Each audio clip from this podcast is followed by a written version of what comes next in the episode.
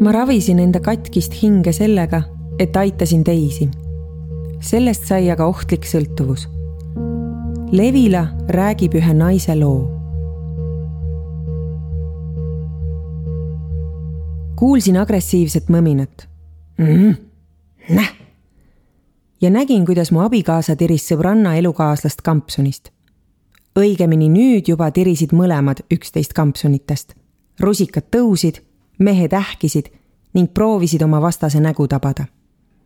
siis tõukas abikaasa vastase seljaga vastu kahelkividest ahju, kuid sai kohe selle peale rusikatabamuse vasakusse silma. see ehmatas kumbagi piisavalt, et nad astusid üheaegselt eemale. minu abikaasa pööras näo ära ja taganes kohmakalt seina poole ning vajus seejärel ahju ja seina vahelisse ahtasse ruumi istuma, kõigi pilkude alt eemale see oli toimunud üllatusena meile kõigile. Nad olid vaevalt varem kohtunud.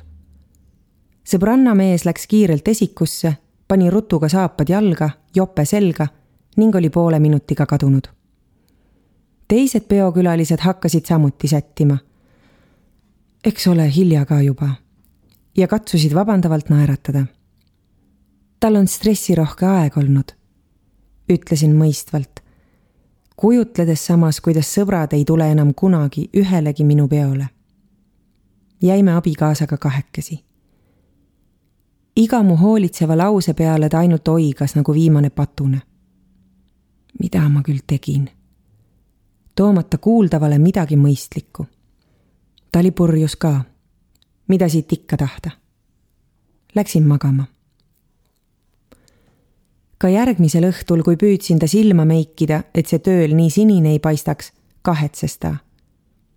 ütled, jooksid vastu kapi nurka, soovitasin. vist jah, peaks midagi sellist, vastas ta. sa ei saa ju öelda, et kaklesid, lisasin. kuigi puuderdasin hoolitsevalt ta silma, olin maruvihane. see on viimane piisk. sa kas lähed AA-sse või meie suhe on läbi ta läks AA-sse. sest muidugi polnud see esimene kord, kui joomise pärast tekkis probleeme. peagi läksime siiski lahku, sest pärast alkoholi äravõtmist tuli esile hulganisti teisi probleeme. üsna varsti pärast lahkuminekut, päikeselisel aprilli alguse päeval, läks ta sõbraga parki õlut jooma. nii et sa tegid seda ikkagi minu, mitte enda pärast? küsisin. muidugi minul ei ole alkoholiga probleeme. probleem on selles, et sulle see ei meeldi. sain vastuseks. muidugi oli tal õigus. kui alkohoolikul endal oleks joomisega probleeme, oleks see juba suur samm loobumise poole. lahkuminek oli mõlemale suur vabanemine. temale, et keegi enam ei kontrollinud ja minule, et ma ei pidanud enam kontrollima keskendusin uutele suhetele, edasiliikumisele, eesootav näis põnev. kuid umbes poolteist aastat hiljem, samasugusel päikeselisel päeval nagu lahkumineku paiku, istusin jõuetult kodus diivanil, üksinda, õnnetu. selja taga oli kolm-neli suhet ja käsil viies, täiesti katkine suhe ühe erakliku kunstnikuga ilmselt oli aeg tunnistada endale, et asi pole kehvades partnerites, vaid minus. miks leian end jälle koos kellegagi, kes tundub niivõrd probleemne?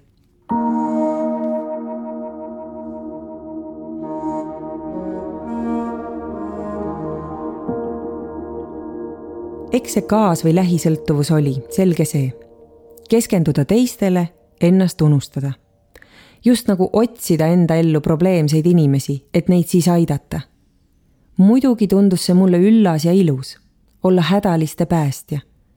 lapsena oli mu lemmik muinasjutt Lumeheit, kus tüdruk, kes vastu vaidlemata täitis kõik käsud ja kannatas kordagi kaebamata, kaeti kullasajuga üle. kakskümmend aastat hiljem võtsin endiselt temast eeskuju mis sellest, et ma polnud kusagil seda kullasadu veel näinud. kõik need mehed, kes kartsid lähedust, kuid ometi näisid huvitatud. ma ootasin. kõik need kurvad sõltlased, kellega juhtumisi tutvusin ja justkui jäid minu külge, kes ei saanud oma eluga hakkama. ma mõistsin. kõik need õnnetud depressiivikud, kes midagi ei tahtnud ega julgenud. ma olin toeks. Emotsionaalselt terve inimene olekski tundunud igav. mida mul hakata peale mõistliku ja enesekindla inimesega? kui esimest korda kaassõltuvusest lugesin mõtlesin kahele sõbrannale, kes olid eluga ummikusse jooksnud. Nad on kaassõltlased, ei mingit kahtlust, mõtlesin. saatsin lingi, jagasin infot, sain aidata. nüüd olin aegamisi nägema hakanud, et midagi selles kaassõltuvuse või lähisõltuvuse mõistes kehtib ka minu kohta. sain aru, et tookordne käitumine oli üks sümptomitest. keskenduda teistele mitte näha, et artikkel räägib hoopis minust. kui kaassõltlane loeb esimest korda kaassõltuvusest, leiab ta nii palju neid, kellel on probleem. Enda koha peal on pime tähn. Kaassõltuvus tähendab, et inimene panustab ülemäära palju aega teisesse, teise probleemide ja eluga tegelemisse, ennast täiesti unustades. see on vääriti kasvanud hoolitsustunne, mis ei ulatu endani mida mina tahan, kes mina olen, pole aimugi. Pole olulinegi. kas see hea tüdruk seal lumeheide muinasjutus mõtles kunagi endale? ei. Seal oli ka paha tüdruk, kes oli konkreetne ja otsekohene. tema valati selle eest pigiga üle. vot nii läheb tüdrukuga, kes mõtleb endale mina igatahes pigi ei tahtnud ja ootasin oma kulda raske on praegu distantsilt öelda, mis see kuld oleks olnud. hea mees, kes annab põhjuse elamiseks, kelle najal oma identiteet üles ehitada. suur aitäh mehe lähedastelt, et ma nende võsukese alkoholismist välja tõmbasin. võimalus olla toeks depressioonis. palju sõpru, kes sageli vajavad mu abi. nüüd sellele mõeldes tundub see kõik ise paras pigi rajada suhted sellele, et teised saavad mult regulaarselt abi. ma ei mäleta, et oleksin toona seadnud prioriteediks selle, et minul oleks hea olla.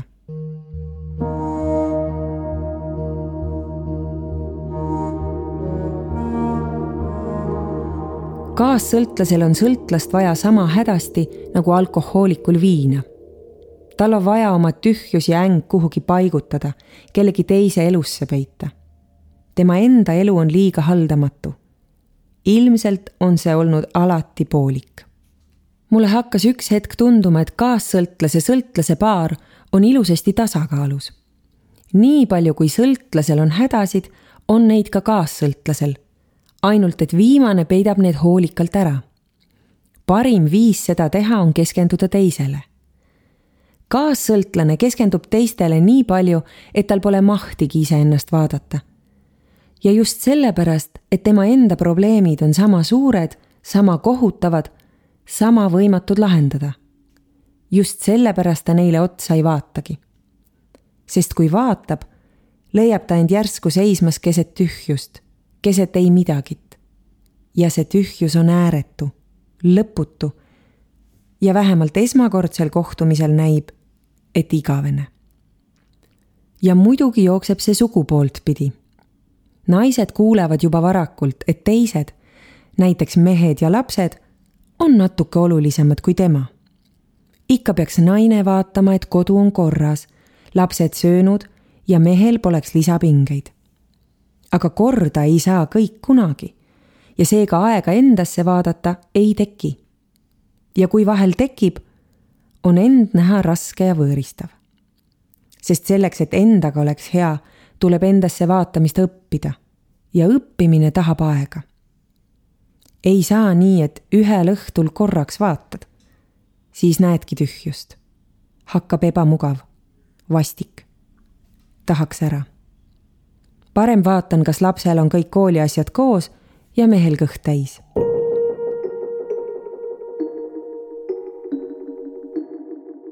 ega see ilus kogemus ei olnud, kui ma esimest korda ise taolisse tühjusesse päriselt vaatasin. oma kahekümnendate lõpus olin enamasti kurb ja väga üksik. see tunne oli mulle varasemast nii tuttav. üksik kannataja, keda keegi ei mõista, kellest keegi ei hooli. Kui vaid oleks inimene, kes muudaks midagi, tooks ellu õnne ja armastuse. Need suhted olid katkised, poolikud, sageli tühjad, minu poolt täis vajadusi, mille täitmise koorem lasus teisel inimesel kuni ühel varasuvisel päeval taipasin täie õudusega, et küsimus ei ole üldse proovimises ja enda muutmises. küsimus oli aususes ja vastutuses. Ma ei olnud kunagi olnud siiras, aus ja otsekohene. ma polnud kunagi võtnud vastutust. sel päikeselisel suve alguse päeval, mil istusin jõuetult kodus diivanil täis meeleheidet, olin mingit laadi suhtes ühe kunstnikuga kuigi ainult poolteist kuud tutvust, tundus ta mulle väga oluline. suhe oli ilmselge suunaga allamäge. aga see mees oli see õige. Tundsin seda üleni. mis sellest, et sõbrad ütlesid, et tüüp on kahtlane. mulle näis tähtis see, et tundsin temas midagi ära. sõnastamatut, seletamatut, omast. ta tegi seksistlikke märkusi, kadus päevadeks tundsin end temaga küündimatu ja naiivsena. ta ei võtnud sageli minuga ühendust, ei kutsunud endale külla, ei tutvustanud sõpradele. Panin kunstnikule mõttes diagnoosi läheduse hirmur ja olin kindel, et suudan teda muuta. esimestest kohtumistest peale oli tunne tema vastu hirmutav, hõivav, meeletu. olin kord varem nii tundnud seitse aastat tagasi enne endise abikaasaga tutvumist. tookordne suhe põhines vaid kirjavahetusel. olin kindel, et mees seal teisel pool e-kirju on mu elu armastus. Kohtusime harva. ta oli silmast silma nähes tõrjuv, kinnine, haavavalt irooniline, hoidis distantsi. kuid see, kui lähedane ta kirjades tundus, hõivas kõik mu meeled tal oli elus raske periood, depressioon, väsimus, tööalane viltu vedamine. ma mõistsin teda, olin kannatlik, pidin olema toeks, ma ei saanud öelda temast lahti ainult sellepärast, et tal oli raske. see kestis kaks aastat. mu tunne neil üksildastel talveõhtutel külmas toas tema kirjadele vastates oli nii tõeline ja suur, et ainult magusaimates romantilistes filmides olin kohanud midagi sarnast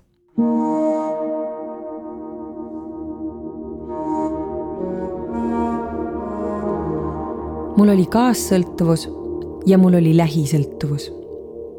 kaassõltuvus on kellegi teise sõltuvuse võimaldamine, kaasategemine, selle kõrval olemine.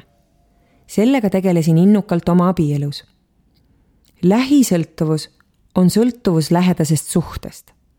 sellega tegelesin pärast abielu ja kummaski selles suures armumissuhtes mul oli vaja suhet, millele keskenduda, sest ma ei osanud iseendaga midagi peale hakata. Ja samas valisin suhteks mehi, kelle puhul oli selge, et nad ei lase eriti lähedale. ei ole valmis suhte nimel tööd tegema. just sellised suhted andsid võimaluse endale mitte otsa vaadata, enda eest põgeneda, mitte välja uurida, kes olen mina ja mida mina tahan.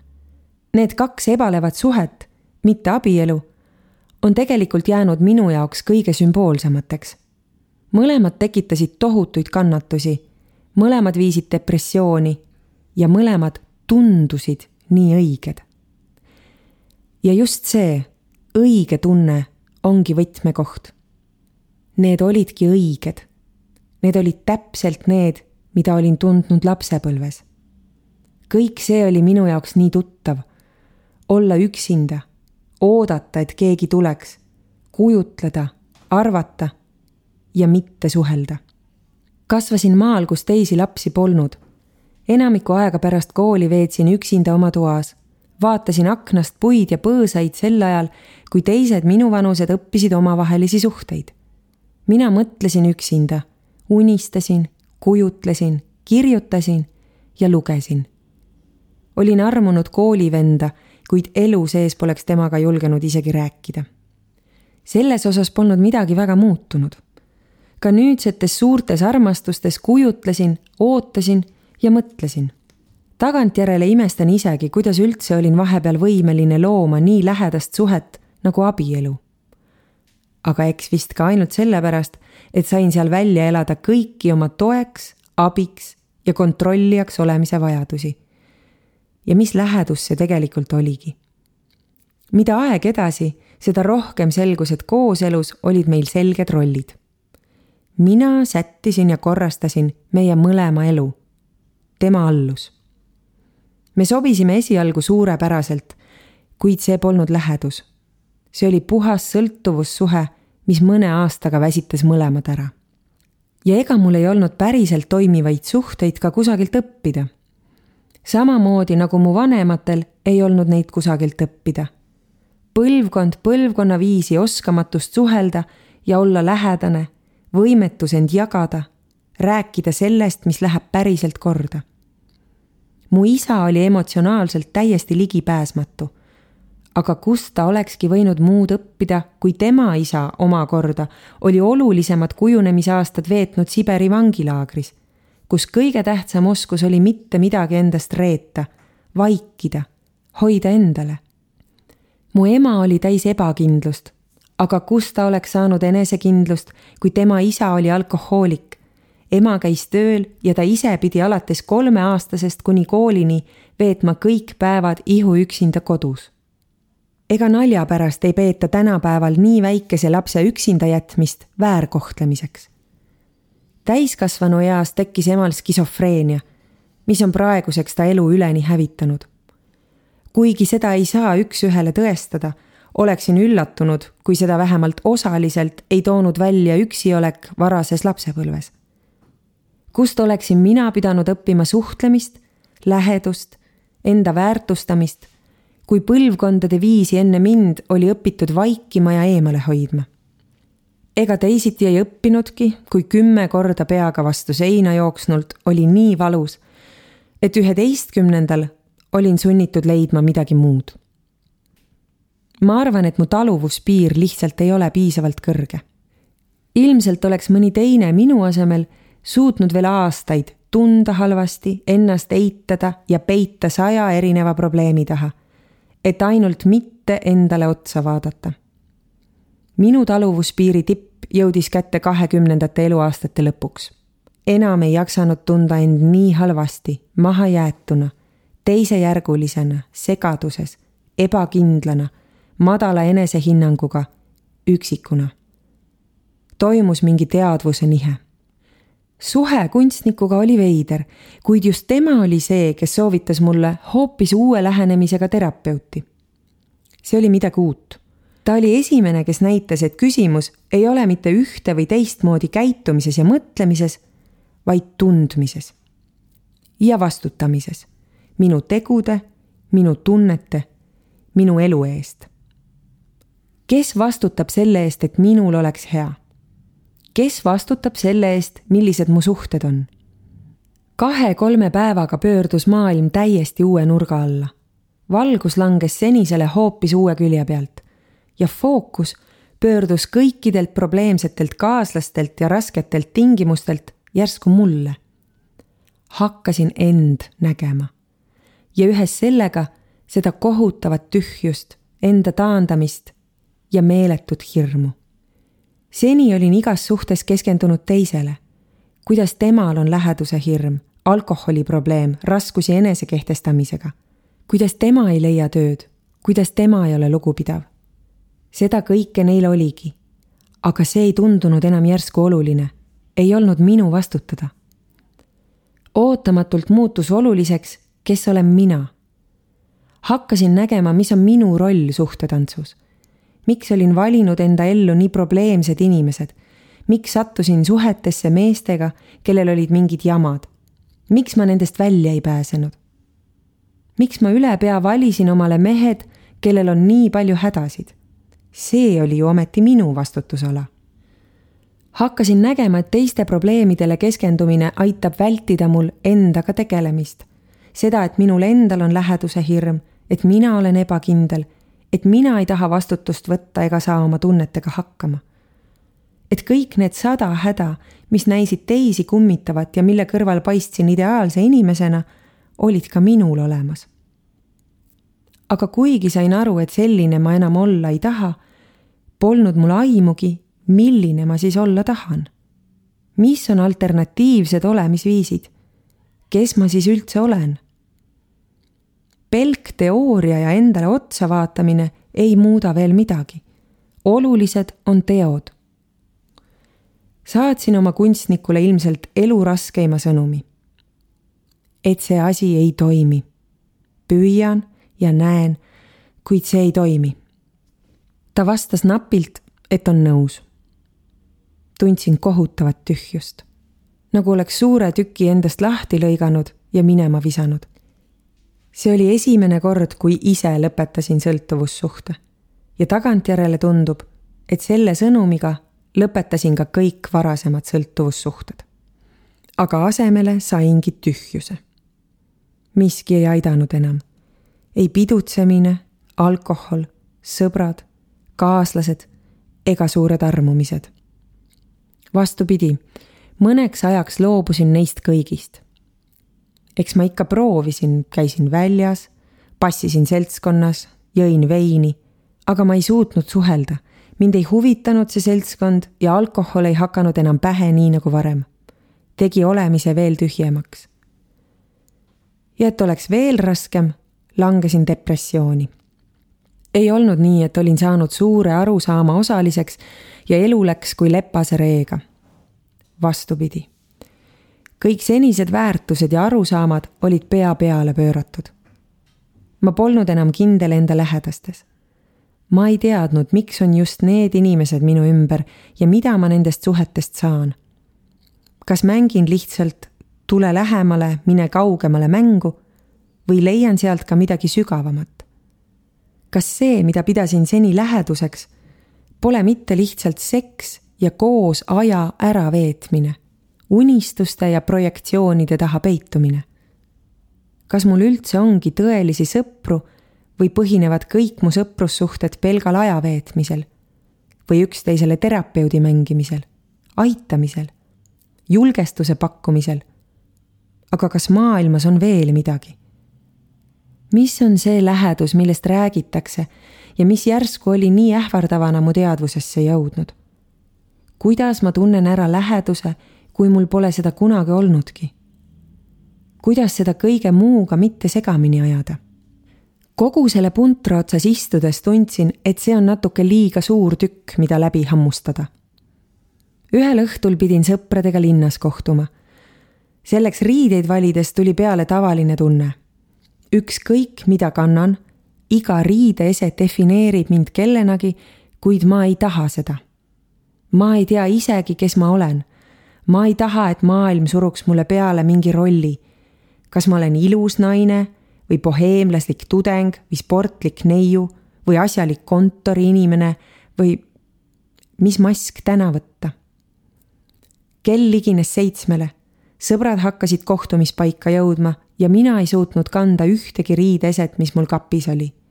sest ükskõik, mis ma selga panin, nägin end inetu, läbipaistva ja muidugi paksuna ära defineeritu ja võltsina. istusin elutoa põrandale, heitsin pikali ja sain aru, et ma ei suuda enam. ma ei suuda riideid valida, püsti tõusta, kodust lahkuda, keegi olla. ei suuda oma elu elada ega teada isegi, mis see on. ei suuda ennast ega teisi mõista.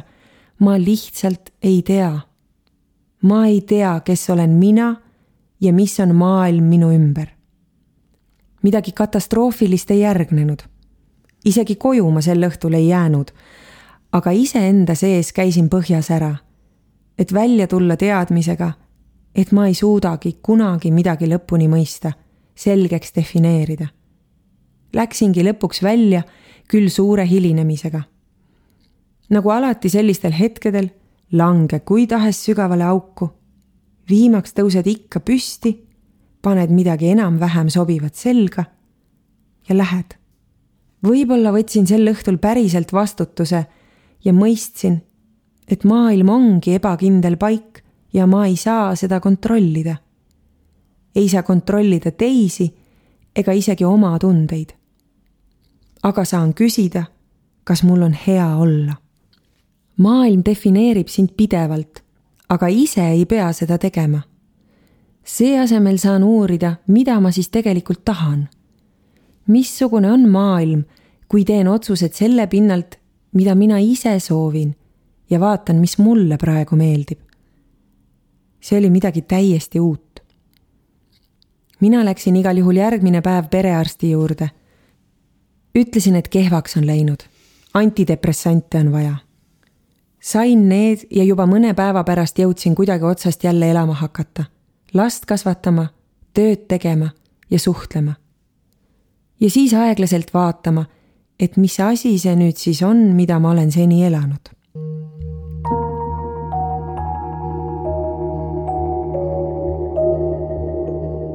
see tuli siiski aegamisi, nädalate ja kuude haaval. terve suve olin sügavas augus. Hakkasin looma teistsuguseid suhteid. hakkasin endast rääkima. avastasin üllatusega, et kuigi mul oli palju tuttavaid ja isegi mitu lähedast sõpra ei avanud ma neile ennast kunagi päriselt.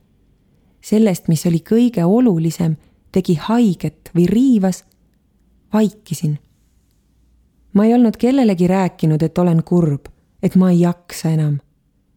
Ma ei olnud ühelegi sõbrale kunagi öelnud, mis mind meie suhte juures häirib. enamik inimesi ei teadnud mu tunnetest, minevikust või eraelust suurt midagi. hakkasin inimestele endast rääkima, ka rasketest asjadest kuna ma ei olnud seda kunagi teinud, tundus see kohutav. esiteks ma ei teadnud, kellele võiks rääkida. rääkisin siis kõigile, kes kuulata viitsisid. mõned kuulasid, mõtlesid kaasa, mõnest on ajaga saanud isegi väga hea sõber. teised jälle hakkasid haletsema ja kaasa tundma, ilma suurema süvenemiseta. aga neid oli üllatavalt vähe. teiseks oli mul rääkimise ees suur hirm kahel korral olin veendunud, et inimene, kellele olin endast rääkinud, plaanib mu mõrva. aimasin, et see on absurdne, aga olin igaks juhuks valvel. vot just nii suur oligi see hirm, miks olin seni kõik endale hoidnud. mul oli hirm, et suren, kui räägin. võib-olla oli see vanaisa surmahirm, millega ta vangilaagris silmitsi seisis ja mida andsime peres põlvest põlve edasi kuni keegi selle ahela murrab. ühtlasi tegi mõistmine, et oma hädades ei saa süüdistada teisi, enese tunda üsna kehvaks. küsimus ei ole süüs, küsimus on põhjustes.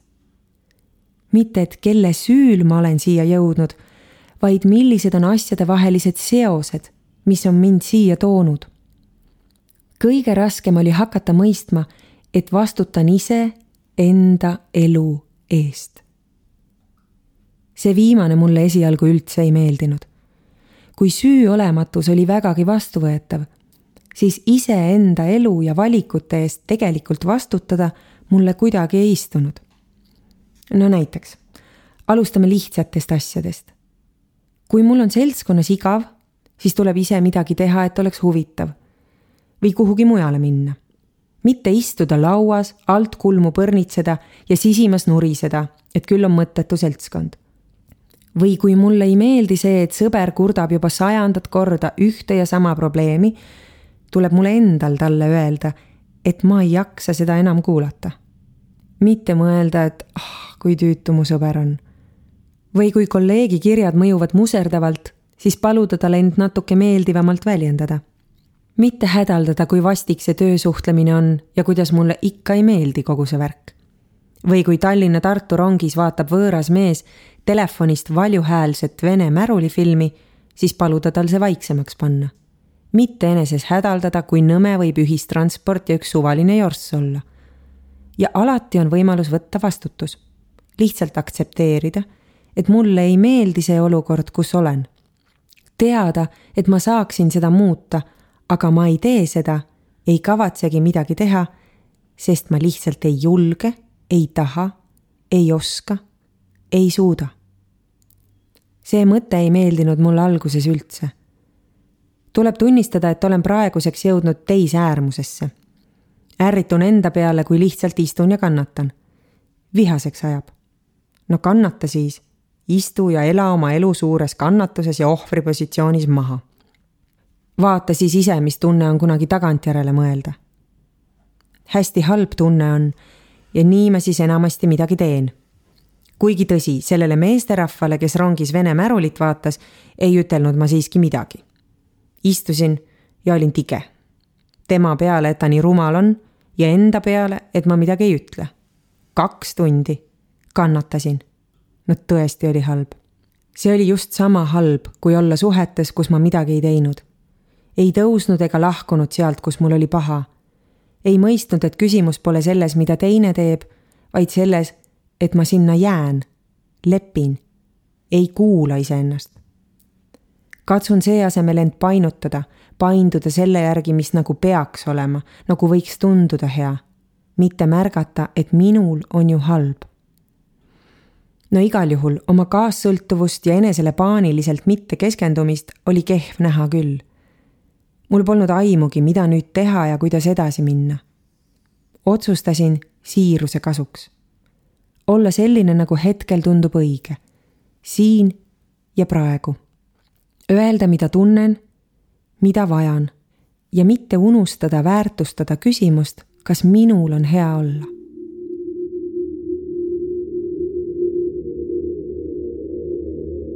ega siin suurt vahet polegi, millise sõltuvusega keegi parasjagu pusib. mul ei ole tekkinud alkoholisõltuvust, aga see-eest olen ühe teise sõltuvuse läbi käinud. muide kaheteistkümne sammu programm, mis on tuntud pigem seoses alkoholisõltlastega, on välja töötatud ka kaassõltlastele. kord need asjad läbi käies muutub elu hoopis teistsuguseks, võimaluste rohkemaks ja pilk iseendale saab palju selgemaks. kolm kuud pärast esimest teraapiakorda hakkasin suhtlema ühe noormehega, kellele ma ilmselgelt meeldisin rohkem kui sõbrana. tema mulle aga eelkõige toreda inimesena. temaga oli hea, huvitav, rahulik, mõnus. ta meeldis mulle ka mehena, aga ma ei tundnud tema vastu seda, midagi sõnastamatut ja irratsionaalset. tookord ma ei osanud veel öelda, mis see see on. muidugi olin varem kõik sellised suhtepotentsiaalid juba eos välistanud mõtlesin, et kui ma ikka ei tunne seda suurt tõmmet, pole ka mõtet. Aga seekord soovitas terapeut unustada igasugused tõmbed ja ootamatud armumised ja see asemel küsida endalt, kas mul on temaga hea olla. jaa, mul oli temaga hea olla. mul oli temaga hea ka kuu hiljem ja kaks ja poole aasta järel samuti. nüüd, ligi kuus aastat hiljem saan öelda et see on parim ja kõige tervem suhe, mis mul kunagi olnud on. See oli esimene suhe, mida alustasin sellepärast, et mul oli temaga hea, mitte müstilise tõmbe ja arutu armumise pärast, mis varem olid mu valikuid juhtinud.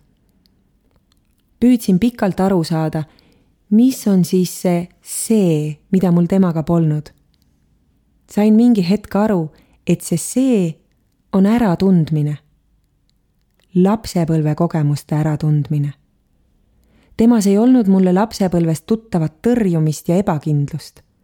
ta oli enesekindel, vastutustundlik ja lähedaseks suhteks valmis.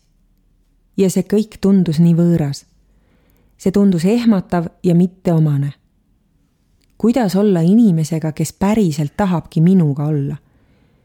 hirm läheduse ees oli mul endiselt nii tugev, et mingi irratsionaalne see ja selle puudumine häiris veel aastaid. Väga raske oli õppida toime tulema päris suhte ja päris lähedusega, kus mõlemad oleme isiksused, iseseisvad ega sõltu teineteisest. raske oli mõista, et terve suhe ei ole miski, mis juhtub või on antud, vaid see on midagi, mida tuleb teha, luua iga päev. see ei ole suur armumine või irratsionaalne tõmme. terve suhe on tegu austus enda ja teise vastu, muutumine, kasvamine, elus olemine. see pole alati imeline ja õnnelik, vaid sellesse mahub palju arutamist, selgitamist, kokkuleppeid, ka tülitsemist. see ei ole valmis asi, mis meile antakse ega ootamatu äratundmine, vaid see on oskus rääkida, enda vajadusi teadvustada ja selgitada. ma võin kohtuda kõige imelisema inimesega, kelle vastu mul on kõige suurem tõmme, kuid kui kummalgi puudub valmisolek muutuda ja aus olla kui puuduvad suhtlusoskused ja julgus endale otsa vaadata, siis ei ole sellest tõmbest ega imelisusest suurt midagi kasu. praeguseks olen jõudnud oskuseni luua lähedasi suhteid ja suudan esimest korda elus tegeleda muu kui lõputu suhtetantsuga. tülitseme harva, kuigi meie suhteminevikku kuulub ka väga tõsine tülide periood. ja tülitsedes hakkame viimasel ajal sageli enda üle siiralt naerma mu suhted sõprade ja lapsega on väga palju paranenud. saan esimest korda elus keskenduda kirjutamisele, reisimisele, enda tööalasele teostamisele, lapsele, erinevat laadi sõprus- ja töösuhetele, hobidele, kõigele, millest ei osanud varem unistadagi. olen õppinud aru saama, milline on see tunne, kui ma enam ei jõua ja julgema endale aega anda. ma ei pea kõiki aitama ma ei pea olema alati toeks. ma ei pea leppima suhetega, kus mul on halb olla või mis ei anna mulle midagi. ma ei pea alati kõike kõige paremini tegema, kuid pean olema aus ja lugupidav. eelkõige enda vastu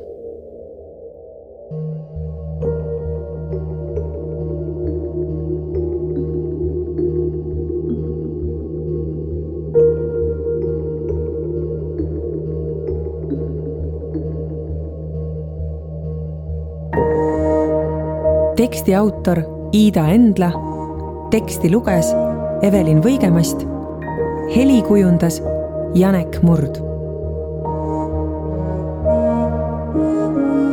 Levila kaks tuhat kakskümmend